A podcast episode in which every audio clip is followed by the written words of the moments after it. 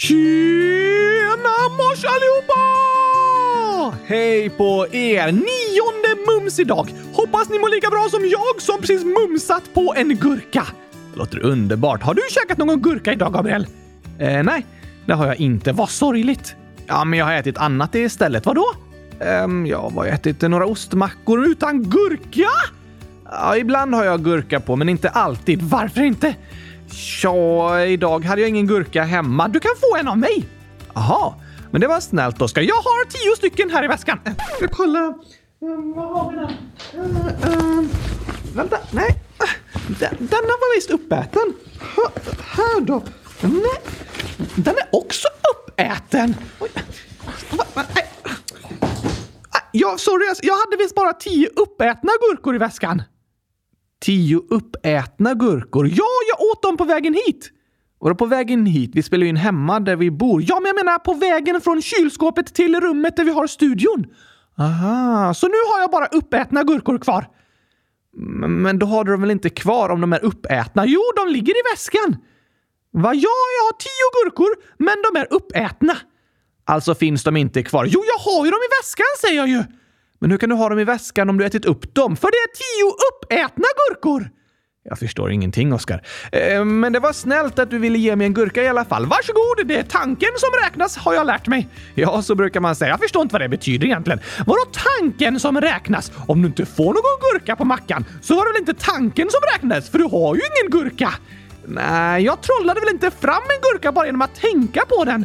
Nej, så funkar det inte. Men det talesättet betyder att även om det inte löste sig till slut så var det fint att du ville försöka och erbjöd dig att dela med dig. Ah, du menar så? Att försöka hjälpa till är också att bry sig. Och även om jag inte fick någon gurka av dig så blev jag glad över att du försökte ge mig en. Så du blev glad fastän du inte fick en gurka? Absolut. Jag kände att du brydde dig om mig och ville dela med dig till mig. Och det gjorde mig glad. Aha! Så på det sättet var det tanken som räknades. Jag blev glad av ditt erbjudande och försök att hjälpa till. Så man måste inte alltid kunna lösa en situation för att den andra personen ska bli glad? Nej, bara att erbjuda sig att hjälpa till är också fint. Om jag till exempel tappat bort ett halsband i snön, det är lätt hänt den här veckan! Eller hur? Nu är det snökaos i nästan hela Sverige och om jag tappat något i snön och så hjälper du mig att leta efter det i en hel timma. Det var snällt! Verkligen. Men så hittar vi det ändå inte. Typiskt! Då blir jag ändå glad och tacksam för att du hjälpte mig i en hel timma fastän det inte löste sig till slut. Just det! Så vi behöver inte alltid känna att vi ska kunna lösa en jobbig situation, för det kan vara väldigt klurigt. Det kanske inte ens går. Vi kanske letade på fel plats. Det är svårt att hitta ett halsband i snön om det inte finns där du letar då är det omöjligt ju. Men även om det är svårt att lösa en jobbig situation så kan vi ändå hjälpa varandra och bry oss om varandra. Det känns alltid bra att få hjälp. Det gör det. Så uh, tack för att du ville dela med dig av en gurka, Oskar, även om du insåg att de var slut. Fast du kan få en uppäten gurka om du vill. Eh, att ha på mackan! Men den är ju uppäten. Ja, tack! Så den finns inte? Jo då, här är den! Ska vi se. Väskan? Mm. Jag har några stycken här. Här, Gabriel! Va? Det är ju en helt vanlig gurka. Nej, den är uppäten! Jag förstår inte riktigt. Jag har ätit upp den gurkan, alltså är den uppäten! Du vet väl vad ordet uppäten betyder? Ja, absolut. Men den är ju inte uppäten. Jag har hela gurkan här framför mig. Jag har i alla fall ätit upp den. Så du har ätit den här gurkan redan? Ja tack, men det syns inte. För jag har inga tänder och ingen hals, så jag kan varken tugga eller svälja. Aha, så du har liksom ätit på den här gurkan med din dockmun? Precis! Det syns inte. Nej, men den var väldigt god. Så du kan äta en gurka först och så kan jag äta den sen efteråt. Ja tack, inga problem! Vi dockor är väldigt miljövänliga och bra på att återvinna gurkor. det låter det som. Och det är därför jag har råd med att äta hundratusen gurkor varje dag. För jag äter samma gurka om och om igen. Aha! Så när du sa att du hade tio uppätna gurkor i väskan var det egentligen en gurka som du hade ätit upp tio gånger? Ja, tack! Du börjar fatta, Gabriel. oj, oj, oj. Det här var nästan lite revolutionerande fakta, Oskar. Jag känner att jag har så många frågor nu. De får vi ta någon annan dag. För nu är det dags för alla lyssnarnas frågor! Okej, okay. det låter bra. Dags för ännu ett gurk qa avsnitt Alltså galna, utvecklande, roliga questions and answers. Äntligen! Här kommer gur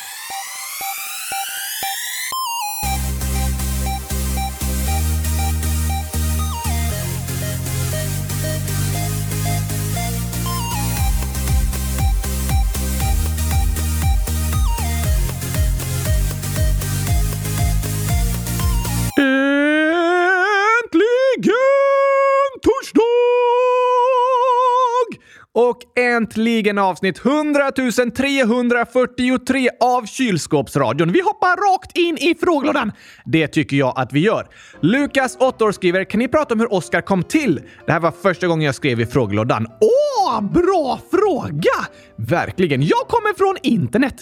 Ja, det är sant att jag beställde dig via en hemsida på internet, så jag tror faktiskt att du skickades från USA. I'm from the United States of America. Ja, ja, typ. Eller du skickades därifrån. Men det är mycket möjligt att du är sydd någon annanstans. Det vet jag inte riktigt. Jag har ingen hjärna så jag kommer inte ihåg. Nej, tyvärr inte. Men det var faktiskt så att jag och min storebror som heter Mikael inspirerats lite av en kompis i Norge som hade en docka som liknade dig. Så vi fick några idéer därifrån och så försökte vi komma på vad du skulle heta för något och då googlade ni världens vackraste namn och så stod det O-S-S-K-A-R. Inte direkt. Jag tänkte att det vore tokigt med ett ganska vanligt namn, men som är felstavat på något tokigt sätt. Felstavat? Ja, O-S-S-K-A-R är lite av en felstavning. Det är hundratusen procent rättstavning om du frågar mig! Ja, finns det ens några rätt eller fel när det kommer till namn? Nej, det gör det ju egentligen inte. Det finns många olika namn som stavas på många olika sätt och det finns inga rätt eller fel. Jag stavar Oscar med 99 994 tysta X i slutet så att det blir 100 000 bokstäver i namnet. Ja, tack! Du brukar säga det, men det är inte sant. Oskar tyckte vi var en tokig stavning dock. O-S-S-K-A-R, för det låter som ett åskoväder samtidigt som du heter Oskar. Jag var roligast i världen från stund ett. Det var du. Sen så gillade både jag och min bror gurkor, så det passade som din favoritmat och så är det lite tokigt att säga gurkaglas Visst låter det tokigt? Sen med kylskåp och 100 000 hade vi fått lite inspiration och så skapades jag! Så gick det till. Sen kom kylskåpsradion, alltså podden, lite senare. Vi firar ju snart fem år med podden med avsnitt varje vecka. Jag har kämpat på väldigt bra. Eh, det har du, Oskar. Tack för den skojiga frågan, Lukas. Hör gärna av dig. Går det bra, Gabriel? ja, alltså, vi spelar in det här på morgonen och jag känner att eh, min röst är inte så uppvärmd än. Nu kan jag värma den lite i mikron. Ja, eh, det går inte att värma rösten. Jag menar, alltså, eh, rösten värms upp när man pratar under dagen och nu på morgonen när jag inte pratat så mycket än så är det lite svårt ibland att börja spela in direkt. Särskilt när jag gör din röst också, Oskar. Jag kan vara tyst! Nej förresten, det kan jag inte vara. Nej, det kan du inte vara. Men jag ska ta och dricka lite vatten tror jag, så tror jag det blir bättre. Okej, jag väntar här. Ta gurkavatten! Ja, det ska jag göra. Känns det bättre nu? Vi hoppas på det. Vi fortsätter med inspelningen i alla fall. Ja, ja, ja, ja, ja, tack! Så stort tack för den skojiga frågan Lukas. Hör gärna av dig igen. Nästa fråga! Yes. Choklad 400 minus 100 000 lika med 100 400. 10 år skriver Två av mina hundar har gått bort. Vad ska jag göra? PS. Ni är bäst i test. Gått bort? Betyder det att de har försvunnit och inte kommit hem? Ja, jag tror att choklad menar gått bort som i att de har dött. Aha! Åh, vad sorgligt! Ja, verkligen. Det var väldigt sorgligt att höra. Det är otroligt hemskt när någon en älskar dör. Det är det. Såklart är en väldigt, väldigt ledsen när det händer. Det är helt okej okay att vara ledsen. Absolut. Det är okej okay att vara ledsen och att gråta. Du får uttrycka de känslor du känner över det som har hänt. Men vad går det att göra då? När en är med om något så fruktansvärt hemskt så kan det göra liksom ont i hjärtat. Sorgen är som en klump i magen, något tungt som en går och bär på hela tiden. Kommer det alltid kännas så? Nej, precis när det hemska har hänt kan det kännas som att den aldrig kommer kunna skratta och känna lycka igen. Men den där värsta smärtan och sorgen lättar efter ett tag och det blir lättare och lättare att minnas den den älskat med tacksamhet och glädje och inte bara känna smärta. Ah, du menar så? Så det är inte skönare att försöka glömma bort den som har dött? Nej, det tycker jag inte. Ibland kan vi tänka att det vore skönare att försöka stänga undan alla jobbiga känslor och försöka glömma. Men jag tror det är tvärtom. Att vi mår bättre av att vara ärliga mot oss själva med vad vi känner och att uttrycka våra känslor. Och såklart vill vi inte glömma någon vi älskat. Nej, det är sant. Istället kan vi få minnas dem med glädje och tacksamhet och tänka tillbaka på alla fina minnen tillsammans. Just det! Så tack för att du hörde av dig och berättade om vad som har hänt choklad. Det är helt okej okay att prata om det och vi är väldigt glada för att du ville skriva till oss. Ja, ja, ja, ja tack! Hundratusen kramar till dig och alla er i familjen! Det skickar vi härifrån podden. Sen skriver Gurkaglass, 10 år. När jag har feber spyr jag. Är det konstigt? PS. Eran podd är bäst i test. Nej tack, det är inte konstigt. Nej, det är ganska vanligt. För det första så finns det många sjukdomar där en både kan kräkas och få feber, som magsjuka, matförgiftning och influensa. Aha! Men sen är det även vissa som kräks just på grund av att de har hög feber. Vad är feber för något egentligen? Feber är när vår kroppstemperatur höjs. Det känns som människor får feber av typ varenda sjukdom. Ja, det är ett väldigt vanligt symptom och det beror på att feber är en del av kroppens försvar mot virus och bakterier. Va? När vi får en infektion i kroppen så reagerar immunförsvaret genom att höja kroppstemperaturen. Att få feber! Precis. För när kroppens temperatur höjs får virus och bakterier svårare att föröka sig. Så febern är inte en sjukdom, utan ett försvar mot sjukdomar. Ja, typ så. Feber är ingen sjukdom i sig, utan det är ett symptom som kommer av att kroppen är sjuk. Och febern ska hjälpa kroppen att försvara sig mot bakterier och virus. Den höjda kroppstemperaturen gör även att blodkärlen vidgas och blodet pumpas runt snabbare i kroppen. Och då blir det lättare för våra immunceller att transportera sig dit de behövs och börja bekämpa sjukdomen. Coolt! Kroppen är väldigt cool och har massor av inbyggda försvarssystem för att vi ska må så bra som möjligt. Men det kan ju vara väldigt jobbigt att ha hög feber och som Gurkaglass beskriver är det vissa som spyr när kroppstemperaturen blir för hög. Är det något farligt? Ja, alltså det är ganska vanligt och naturligt. Men det är viktigt att fylla på med vätska när en är sjuk, annars kan kroppen bli uttorkad. Och det kan vara extra viktigt att fylla på med vätska om man också spyr ut vätska. Just det! Så ät mycket gurkor när ni är sjuka, för de innehåller mycket vatten. Just det, det är bästa medicinen. Kanske inte bästa, men absolut, det är viktigt att eh, fylla på med vätska. Men det lättaste är kanske genom att eh, dricka något, inte äta gurkor. Gurkate! Ja, till exempel. Nästa inlägg är från Ilma, 100 000 år, som skriver Hej Oskar och Gabriel! Jag har precis flyttat och har bytt skola. Jag saknar mina kompisar, men jag har fått nya. Det var fint att höra Ilma! Ja, jag förstår att du saknar dina kompisar, men vi är glada över att höra att du har fått nya kompisar där du bor nu. Det går att vara både glad och ledsen samtidigt för en flytt och det är helt okej. Okay. Ja, det är det. En kan känna sig glad för vissa saker och ledsen för andra saker på samma gång. Hoppas du får det superduper bäst i test där du bor nu, Ilma, och på din nya skola. Det önskar vi dig. Tack för att du hörde av dig. Sen frågar Maldon, 7 år. Jag hittar inte Snurra Gurkan. Den finns på en hemsida som heter www.gurka.se. Precis. Det är inte vi som har gjort den hemsidan, men en annan lyssnare tipsade om den och nu har den blivit en riktig poddfavorit. Ja tack! En snurrande gurka! Vilken fantastisk hemsida! Det är det faktiskt. Gurka.se. Och på tal om spel så skriver Korkad Kork, 7 år. Jag har provat ett spel på er hemsida. PS. Det första gången som jag skriver “Bye bye gurkapaj” PS. Var skickar man emojis? Just det! Det finns spel på vår hemsida också! www.kylskåpsradion.se Där kan ni spela många olika sorters spel. En del handlar om sånt vi har lärt oss här i podden och så finns det superspännande spel som Jakten på gurkaglassen! Precis. Och emojis kan du skicka i inlägget du skriver i frågelådan. Ja tack! Det är bara att lägga till dem där som i andra meddelanden du skriver. Sen har vi en fråga från Anonym mellan 10 till 15 år. Hejsan!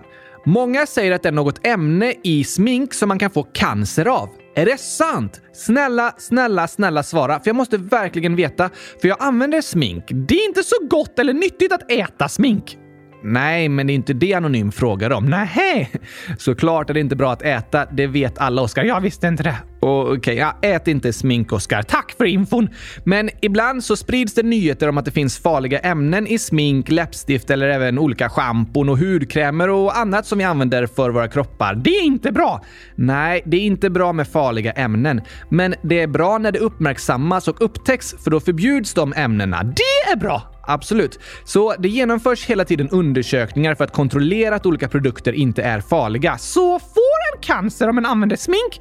Nej, det är ingen sån direkt kontakt däremellan. Det är ganska ofta vi får höra typ “det där ger cancer” och “det där ger cancer” och det låter som att om vi äter minsta lilla bit eller använder en särskild grej så kommer vi garanterat direkt få cancer. Och det är inte sant. Nähä, men det kan finnas vissa ämnen och produkter och så som kan öka chansen att få cancer lite och de ämnena ska minimeras och förbjudas. Men ofta kan det låta väldigt skrämmande i media och det är lätt att bli orolig när man får höra sånt. Det kan låta som att bara jag går utanför dörren så kommer jag bli livshotande sjuk. Fast det är ännu farligare att stanna inne! Ja, just det. Så kan det låta. Allt är farligt.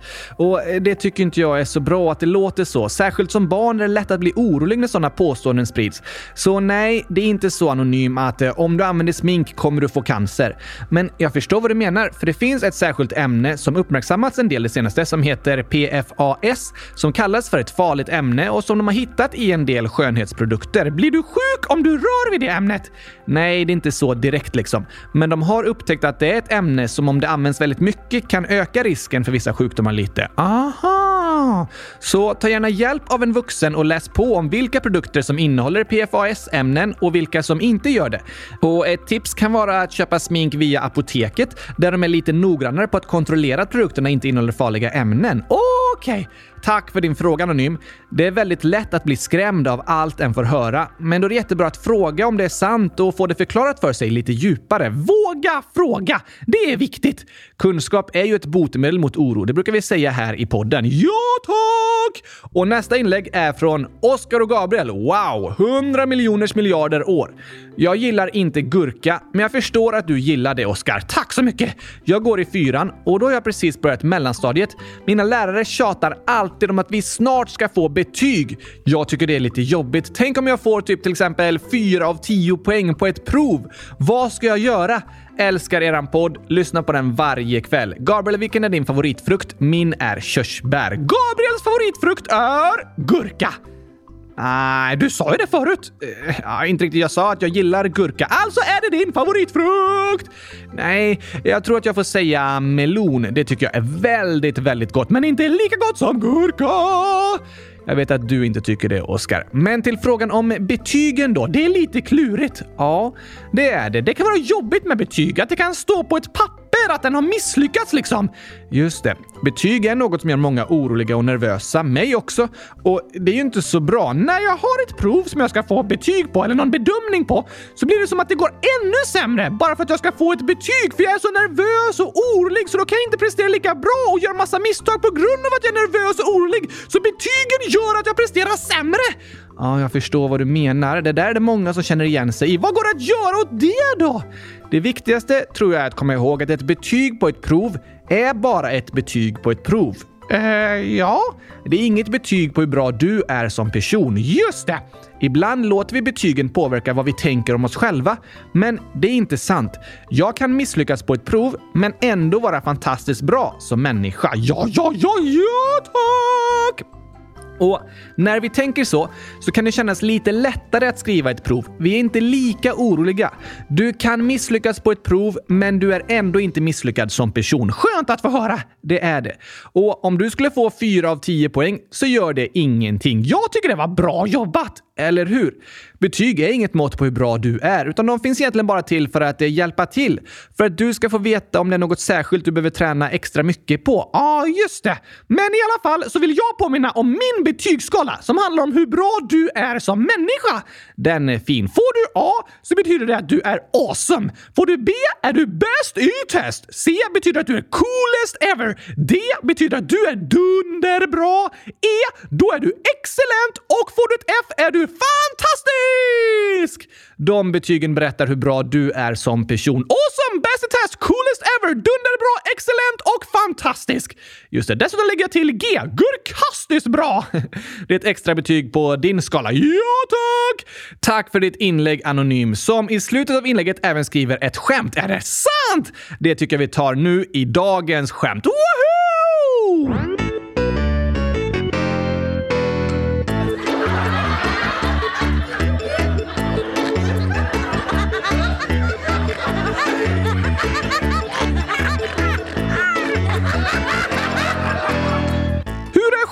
Gabriel? Jo, det är ett riktigt tokigt skämt som du kanske känner igen. Antagligen inte med den här bomullshjärnan. Aj, sant. Jag hör varje skämt för första gången varje gång. Det är därför de är så otroligt roliga. för att du alltid glömmer bort dem. Ja, det låter faktiskt kul. Men det här är en liten gåta. Vad har fiskaren och bebisen gemensamt? Hmm, fiskar och bebisar? Båda gillar vatten? Eh, ja, eh, gillar bebisar vatten? Såklart, alla människor behöver vatten för att överleva. Ja, det har du rätt i. Men eh, det var inte fiskar jag frågade om, utan fiskare. Eh, fiskar? Fiskare. Ja, de som fiskar fiskar. Precis. Aha! Då är båda människor. Ja, fiskare och bebisar är människor. Woho! Jag hade rätt! Ja, det var liksom det logiska svaret. Men nu söker jag ett eh, skojigt svar. Ja, ah, just det. Um, fiskare, bebisar, båda har ett S i ordet. Ja, det stämmer, men något tokigt. Ja, ah, okej. Okay. S kan vara tokiga ja, om de är skrivna på fel håll. Visst, eh, men något annat. Okej. Okay. Nej, jag kommer inte på, Gabriel. Båda vill ha napp. Just det! En fiskare vill ha napp på kroken och en bebis vill ha napp i munnen. Jag låter likadant. Det gör ju. Båda vill ha napp, men en bebis vill nog inte ha en fisk i munnen när den gråter. Så det är inte exakt samma sak. Inte direkt. Jag tror inte heller att en bebis hade blivit så glad över att få en fisk istället för napp. Men eh, tokigt skämt ju. Otroligt skojigt! Och det avslutas med att det står PS Oskar, du är så rolig. Åh, oh, men tack! Vad otroligt snällt sagt! Jag tycker du är så rolig! Det tycker jag också. Och på tal om roliga saker så är nästa skämt skrivet av Gurkan som lyssnar på kylskåpsradion. Gurkor har inga åldrar gammal. Tjena mors Gurkan! Hej på dig! Först står det Hej kylskåpsradion! Ni är bäst på att göra poddar. Skulle ni någon gång kunna intervjua en artist eller skådespelare i podden? Vilka är era favoritartister? Min favoritartist är eh, det sjungande kylskåpet. Aha, det har jag aldrig hört. Det är bara de som har bomullsöron som kan höra det. Intressant. Eh, ja, jag vet inte riktigt vilken som är min favoritartist. Jag lyssnar inte supermycket på musik, men när jag lyssnar är det ganska många olika. Lale tycker jag mycket om bland annat och andra liknande artister så att säga. När jag bor utomlands så lyssnar jag faktiskt extra mycket på artister som sjunger på svenska. Ger det lite hemkänsla? Ungefär kanske. Men eh, bra förslag Gurkan! Det vore såklart spännande att intervjua en artist i podden. Vi får se om vi kan få till det. Du kan intervjua mig! Jag har skrivit mycket musik. Absolut, men du är ju alltid med i podden. Det har du rätt i. nu till gåtan. Vem är elektrikerns medhjälpare som är en krydda? En krydda som hjälper elektrikern? Ja. Hmm. Kanske någon stark krydda som sätter fart på grejerna? Nej, inte direkt. Okej, okay, då tror jag det är en fiskkrydda. Aha. Varför det? För att den används till strömming. ja, fisken strömming låter som ström, alltså el. Ja, tack! Det var bra förslag, Oskar, men också fel. Då är det en elefantkrydda. Elefant. Elefant! Ja, det är också bra gissat, men inte heller rätt. Um, då kommer jag inte på vilken krydda som är elektrikerns medhjälpare. Kanelen. Äter hon gröt? Eh, det vet jag inte, men namnet blir ju Kan-Elen. Aha!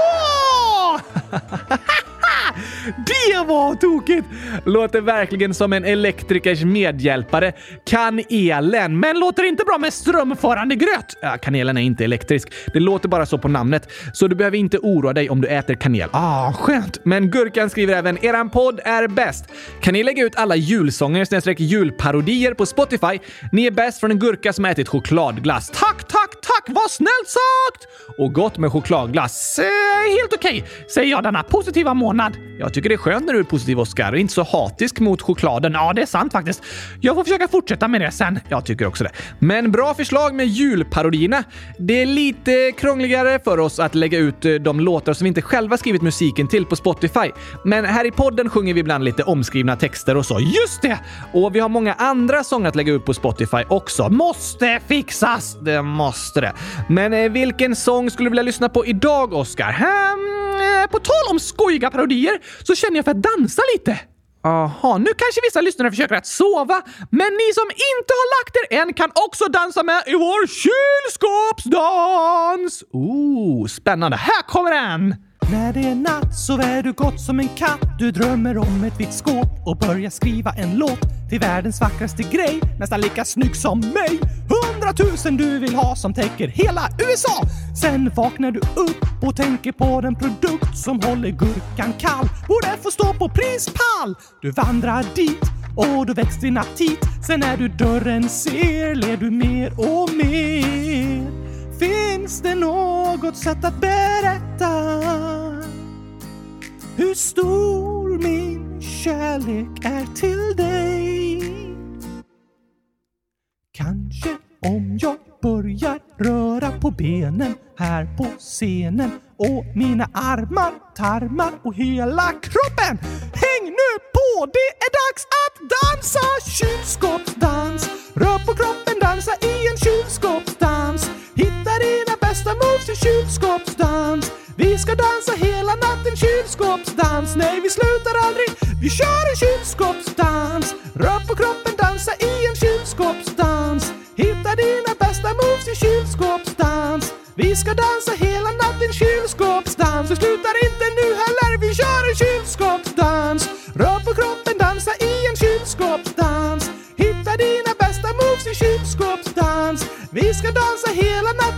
Kylskåpsdans. Men nu slutar vi ändå med våra kylskåpsdans. Snyggt, Oskar! Hundratusen tack, Gabriel!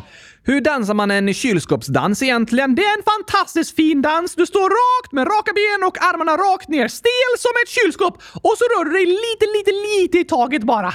Aha, typ som ett kylskåp som någon knuffar på. Precis! Det är den ultimata kylskåpsdansen. Ah, fattar. Låter tokigt. Väldigt bra dans för mig som inte kan röra på armarna. Ja, det passar ju då.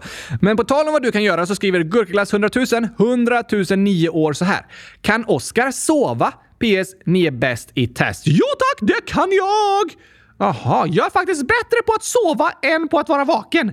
Det är sant. Man skulle kunna säga att jag sover hela tiden när du inte har handen i min mage, Gabriel. Ja, typ så är det ju. Fast jag kan inte stänga ögonen för jag har inga ögonlock.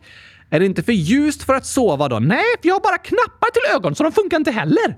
Ah, smart. Väldigt smart. Dessutom sover jag i ett kylskåp och där är det mörkt hela tiden så fort dörren är stängd och lampan släcks. Det har du rätt i. Låter nästan lite skönt att sova i ett kylskåp. Mörkt och kallt. Det gillar jag när jag ska sova. Du är välkommen att testa, Gabriel!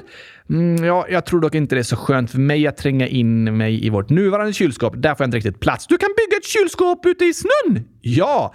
Hade vi varit i Sverige idag hade vi fått bygga ett stort snökylskåp och sova i det. Och på tal om det tänkte jag att vi snart ska lyssna lite på en berättelse om att sova i snön. Va? Ja, bland annat. Men först skriver Vilgot, 11 år, Hej kylskåpsradion! Den 7 mars är det podcastens dag. Jag skrev lite sent, men hoppas det inte gör något. PS. Ni är bäst. Oj, oj, oj! Podcastens dag! Ja, det missade vi helt i tisdags. Precis. Tänk att vi missade att fira den. Det var ju typiskt. Men vi firar ju väldigt mycket annat här i podden redan. Det har du rätt i. Jag vill i alla fall säga grattis till Kylskåpsradion på podcastens dag! Tack. Jag sa det inte till dig, jag sa det till podden. Ja, fast det är ju vi som är podden. Så det är någon av oss som måste säga tack. Podden kan ju inte prata på något annat sätt än att vi pratar. Ah, just det. Men lyssnarna är också podden, så vi säger grattis till er också! Det gör vi. Tack till alla er som lyssnar. Vi är så glada för att ni finns med oss här i Kylskåpsradion. Hundratusen tack från djupet av mitt hjärta! Tack. Det är i och för sig inte så djupt, för jag har inget hjärta. Ah, just det. Så jag säger eh, hundratusen tack från djupet av mitt kylskåp istället. det är djupare, passar bättre. Ja, men på tal om särskilda dagar så var det den internationella kvinnodagen igår också, den 8 mars. Just det! Vad firas då? Alltså, det är inte direkt en dag för firande, utan snarare en dag för kamp och för att uppmärksamma ojämställdhet och kvinnors situation över hela världen. Ah, det är viktigt! Ja, den 8 mars är en väldigt viktig dag då miljontals människor över hela världen demonstrerar och strejkar för att uppmärksamma ojämlika förhållanden och problemen i samhället. Firas kvinnodagen över hela världen? Ja, det är en internationell dag och i många länder är 8 mars en nationell helgdag då folk är lediga. Precis. I de flesta länder skulle jag säga att den 8 mars firas rätt mycket större än den firas i Sverige faktiskt. Här i Barcelona där jag bor var det hundratusentals människor som demonstrerade igår och mitt universitet var stängt av demonstrationer så vi hade inga lektioner. Oj då! Har kvinnodagen firats den 8 mars i många år? Det har den. Det var stora kvinnodemonstrationer redan på 1800-talet i många länder, ofta med fokus på kvinnlig rösträtt. Just det! Sen i början av 1900-talet så började det komma idéer om att skapa en internationell kvinnodag och i ungefär 100 år nu har det varit den 8 mars. I början av 1900-talet grundades det även en del internationella organisationer och nätverk som kämpade för kvinnors rättigheter. Riktiga hjältar! Ja, det var riktiga hjältar som kämpade för jämställdhet och lika rättigheter för alla. Men idag får väl kvinnor rösta i de flesta länder? Varför demonstreras det fortfarande då? Ja, så är det vissa som säger, Oskar. Att länder redan är jämställda. Just det! Och på pappret kan en säga att Sverige är ett jämställt land. Det är olagligt med diskriminerande lagar och alla människor har samma rätt att rösta och gå i skolan och så. Alla ska få samma förutsättningar. Det spelar ingen roll vilket kön eller hudfärg du har eller var du kommer ifrån. Det är viktigt! Verkligen. Alla människors lika värde är grunden i en demokrati. Men att det är jämställt är liksom så det ser ut på pappret. Det finns två latinska uttryck som heter de jure och de facto. De facto? Ja, de jure är liksom hur det står på pappret att det ska vara, vad som står i lagen. Och där står det att alla har samma rättigheter. Precis. Men de facto betyder hur det faktiskt ser ut i verkligheten. Aha. De facto betyder i verkligheten på latin. Och även om det står i lagen att ett land till exempel ska vara helt jämställt så betyder det ändå inte att det alltid ser ut så i verkligheten. Okej, okay. så idag uppmärksammas inte kvinnodagen i Sverige för att kvinnor ska få samma rösträtt som män, utan för att många kvinnor fortfarande blir utsatta för våld och att det är ojämlika förhållanden och strukturer på arbetsplatser och i samhället som drabbar kvinnor. Aha!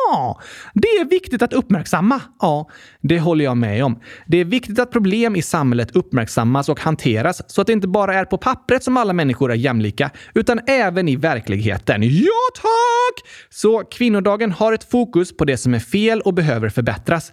Men jag tänker att det även kan vara en inspirerande dag som blickar framåt mot en värld med fler möjligheter och jämlikhet för alla. Just det! Så kvinnodagen får även vara en dag då inspirerande berättelser berättas och kvinnor historia uppmärksammas. Och jag tänker att vi kan passa på att göra det i dagens avsnitt också. Okej? Okay? För häromåret, i avsnitt 100 232, så berättade vi om Junko Tabei som besteg Mount Everest. Och det tycker jag är en spännande och inspirerande berättelse som vi kan lyssna på igen idag. Det låter bra! Vi sätter på tidsmaskinen! Yes!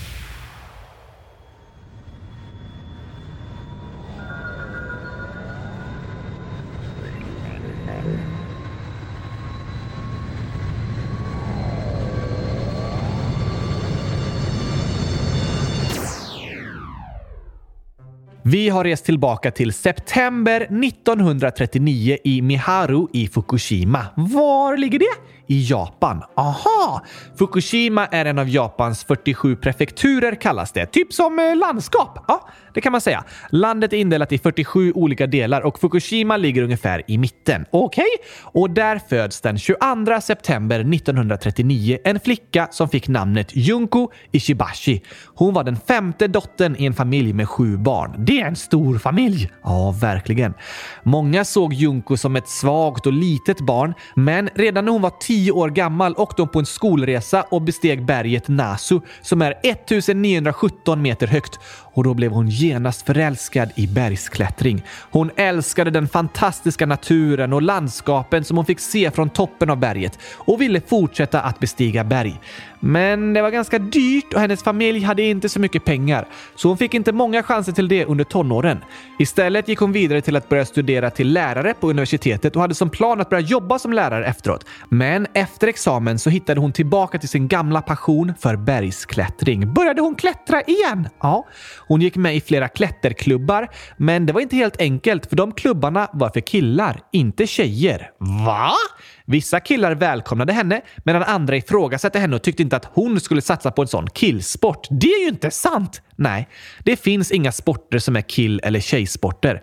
Men genom historien finns det personer som har tänkt så och det har begränsat andra personers möjligheter att utöva sporterna. Särskilt är det tjejer som har haft det svårt att delta i olika sporter. Men Junko tyckte också det var fel att de sa så. Hon ville bli en bergsklättrare oavsett vad killarna sa till henne. Yes! Och snart hade Junko Ishibashi bestigit alla de högsta bergen i Japan, inklusive det högsta av dem alla, Mount Fuji. Är det 100 000 meter högt? Nej, men 3776 meter högt. Wow! Det är en hög vulkan och en nationalsymbol för Japan. Just det! Och Junko hade nått toppen. Det hade hon. Och under den här perioden så träffade hon en annan bergsklättrare som hette Masunabu Tabei och de valde att gifta sig. Det var då Junko tog efternamnet Tabei. Aha! Och tillsammans fick de två barn, en son och en dotter. Slutade hon klättra då? Nej, det gjorde hon inte. Men det var flera som sa till henne att hon borde sluta. De tyckte att hennes man kunde hålla på med bergsklättring, men hon skulle vara hemma och ta hand om barnen. Men så valde de inte att göra. Både Junko och hennes man Masanobu fortsatte som bergsklättrare. Om en var ute på en expedition var den andra hemma och tog hand om familjen och om de båda var iväg och klättrade så hyrde de in en barnvakt. Aha! Och 1969 så grundade Junko Tabei en klätterklubb för kvinnor som fick namnet Ladies Climbing Club Japan. Det var den första klätterklubben för kvinnor i Japan och deras slogan var “Låt oss åka på en utomlandsexpedition på egen hand”. Vad menar de? Jo, som jag berättade var det många som tidigare sagt till Junko att hon inte borde hålla på med bergsklättring för att hon var tjej. Vissa killar till och med vägrade klättra tillsammans med henne eller sa taskiga saker om henne. De sa att tjejer inte kunde bestiga berg utan killar, men det höll inte Junko med om. Därför startade hon en egen klubb för att visa att bergsklättring visst var något för tjejer. Eller eller hur? Bra gjort! Jag håller med. I samhället så finns det många fördomar om vad olika personer kan göra och inte kan göra. Eller inte borde göra. Vissa kanske säger “det där är inte för dig” Men bara för att vissa säger så betyder inte det att det är sant. Nej tack! Genom historien har det funnits många kvinnor som har fått höra “det där är inget för dig” men det är inte sant. Och Junko Tabei ville bevisa att det männen sa inte var sant. Bergsklättring är lika mycket en sport för kvinnor som för män. Så 1970 startade den nya klätterklubben sin första expedition. Var någonstans? Till toppen på berget Annapurna 3 i Himalaya. Junko Tabei och en annan teammedlem, Hiroko Hirakawa, tog sig till en 7000 2555 meter höga toppen tillsammans med två Sherpa-guider. De blev de första kvinnorna och de första japanerna att nå toppen. De hade tagit med sig en kamera, men det var så kallt att filmen i kameran frös sönder. Oj då! Men efter att de utvärderat sin expedition bestämde sig Junko Tabei för att ta sig an en ännu tuffare utmaning. Mount Everest. Dun, dun, dun! Bara 35 personer hade tidigare nått toppen av berget och tillsammans med 14 andra kvinnor bildade Junko ett expeditionsteam som fick namnet Japanese Women's Everest Expedition. De kämpade länge med att få sponsorer som kunde hjälpa dem med kostnaderna, men det var väldigt svårt att få några bidrag för de flesta sa att ni borde inte hålla på med bergsklättring, men Junko höll inte med. Hon samlade in pengar genom att hålla i pianolektioner och för att hålla nere kostnaderna byggde hon mycket av sin utrustning själv. Hon sydde vattentäta vantar av ett skydd hon hade till bilen och byxor sydde hon av gamla gardiner. Smart gjort! Ja, hon var målmedveten och hade bestämt sig för att ta sig upp till toppen på Mount Everest. Och efter en lång träningsperiod började de 15 kvinnorna sin expedition i maj år 1975. Det var stort medieintresse och de följdes av ett filmbolag när de började klättringen, men de hängde ju inte med så högt upp på berget. Sex Sherpa-guider var dock med under hela expeditionen och assisterade teamet. Hur gick det för dem? Till en början gick det väldigt bra. De tog samma rutt upp för Mount Everest som de första bestigarna hade gjort år 1953. Men den 4 maj, när de hade slagit läger på 6300 meters höjd, då var katastrofen framme. En stor lavin slog in över lägret. Vad är det? En lavin är ett snöskred när massor av snö snabbt störtar ner för ett berg ner mot en dalgång. Aha! Det har jag sett bilder på det är väldigt farligt att vara i närheten av och lavinen störtade in över Junko och de andra klättrarnas läger. Vad hände då? Junko och fyra andra klättrare begravdes under snön. Hon blev liggandes medvetslös under snön i sex minuter innan en av guiderna lyckades gräva fram henne. Oj då!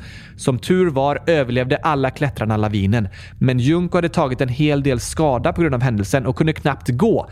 Därför behövde hon två dagar för att vila. Men så snart hon kunde var hon uppe på benen igen och fortsatte att leda teamet upp mot toppen. Lyckades de ta sig fram? De tog sig högre och högre upp på berget tills de nådde 8000 meters höjd. Nu var det bara den svåraste och farligaste sista biten kvar. Från början var planen att två av kvinnorna skulle bestiga toppen tillsammans med en Sherpa-guide, men teamet hade drabbats av höjdsjuka och de hade inte mycket syre kvar. Därför var det till slut bara Junko Tabei och Sherpa-guiden Ang Tsering som började den sista resan mot toppen. Är det svårt? Ja, nära toppen kom de till en tunn, farlig isrygg som de behövde krypa över. Junko beskrev det i efterhand som det läskigaste hon någonsin gjort. Klarade de det då? Det gjorde de. Den 16 maj 1975, 12 dagar efter de drabbats av den fruktansvärda lavinen, så nådde Junko Tabei och Ang Tsering toppen av Mount Everest. Woohoo!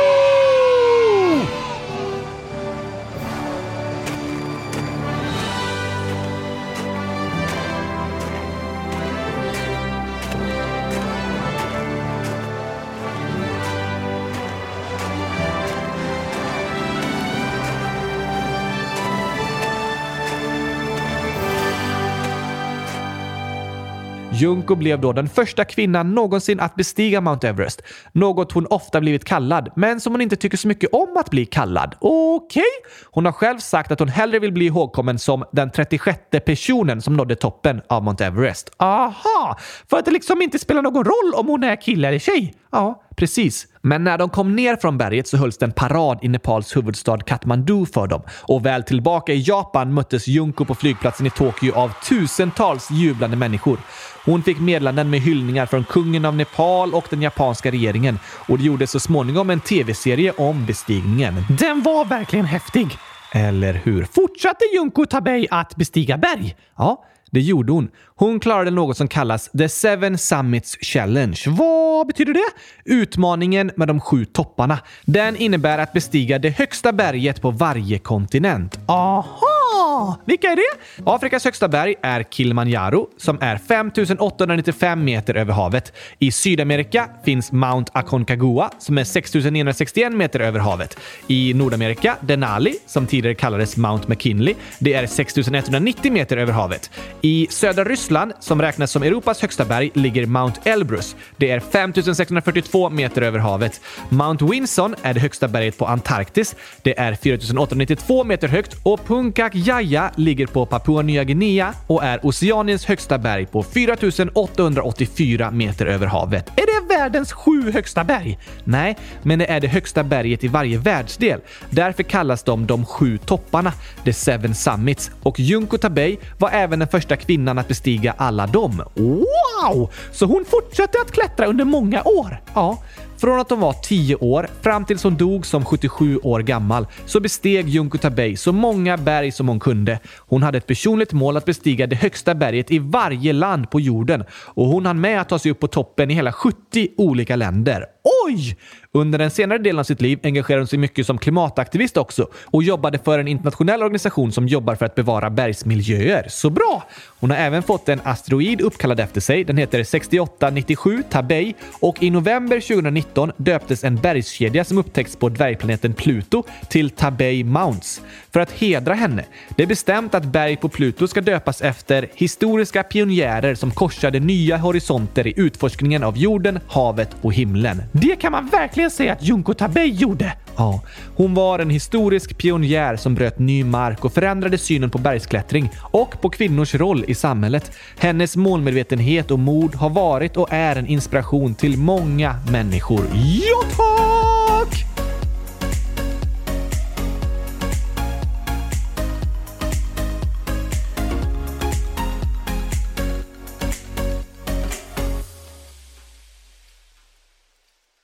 Har du lärt dig något av berättelsen, Oscar? Hmm, att det är farligt att bestiga Mount Everest.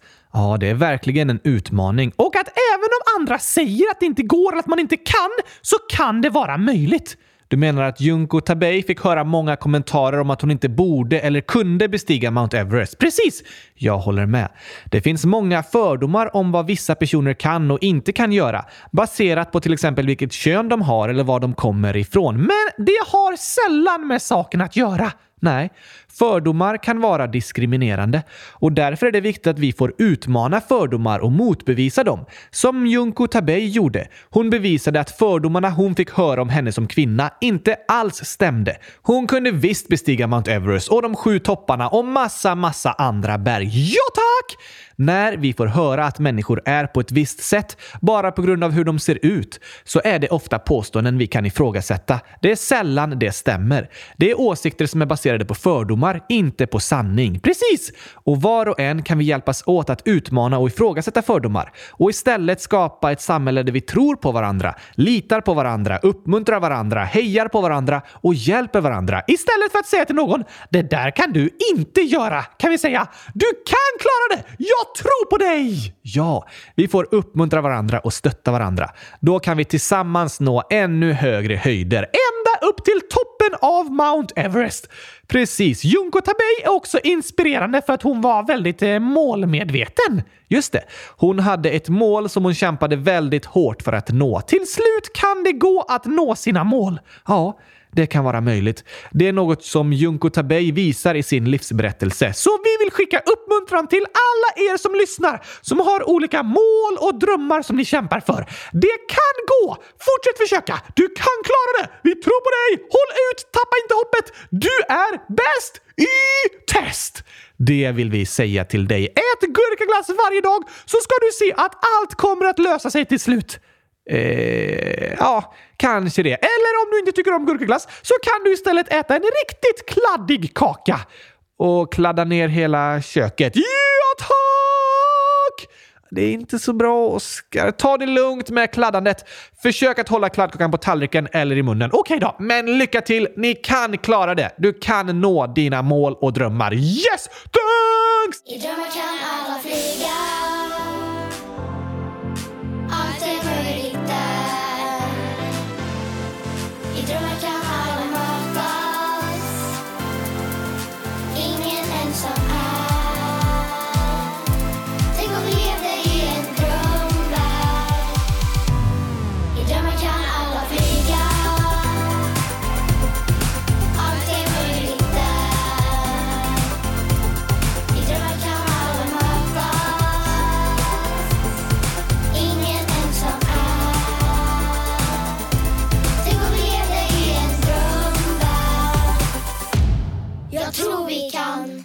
Det var inspirerande! Ja, det är en väldigt häftig berättelse tycker jag. Och om ni vill lära er mer om Mount Everest kan ni lyssna på hela avsnitt 100 232. Gör gärna det! Och nu i samband med kvinnodagen vill vi även påminna om avsnitten i historiekalendern om till exempel Astrid Lindgren, Kerstin Hesselgren, Harriet Tubman och Wangari Maathai. Också spännande och inspirerande berättelser! Verkligen! Lyssna gärna på dem också. Scrolla bakåt i poddflödet i den app ni lyssnar i så hittar ni historiekalendern där. Den spelades in i december år 2021. Så en bit bak nu. Ja, tack! Men med det så ska vi avrunda dagens avsnitt. Några hälsningar innan vi avslutar. Just det. Äcklig chokladglass fyller nio år skriver “Kan ni gratta mig och min farfar? Vi fyller år på samma dag. Han fyller 90 år 9 mars. Jag fyller 9 år 9 mars. Snälla, nämen! Samma dag! Wow, vad coolt! 90 år och 9 år den 9 mars. Vilken perfekt kombo! Det får jag verkligen säga. Stort grattis till er båda idag! 100 000 grattis till och med! Hoppas ni får en superduper bäst i test födelsedag med världens största gurkaglasstårta. Just det, eller nej förresten. Ni är två stycken som fyller år, så då behövs två stycken av världens största gurkaglasstårta.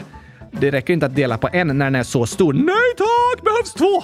Okej, då önskar vi det till er. Ha en riktigt härlig dag och stort grattis! Och det säger vi även till Molly, 9 år, som skriver Hej kylskåpsradion! Jag fyller 10 år den 9 mars. Kan ni gratta mig då? Hur många gurkor? Och så är det 240 stycken. Såklart kan vi det!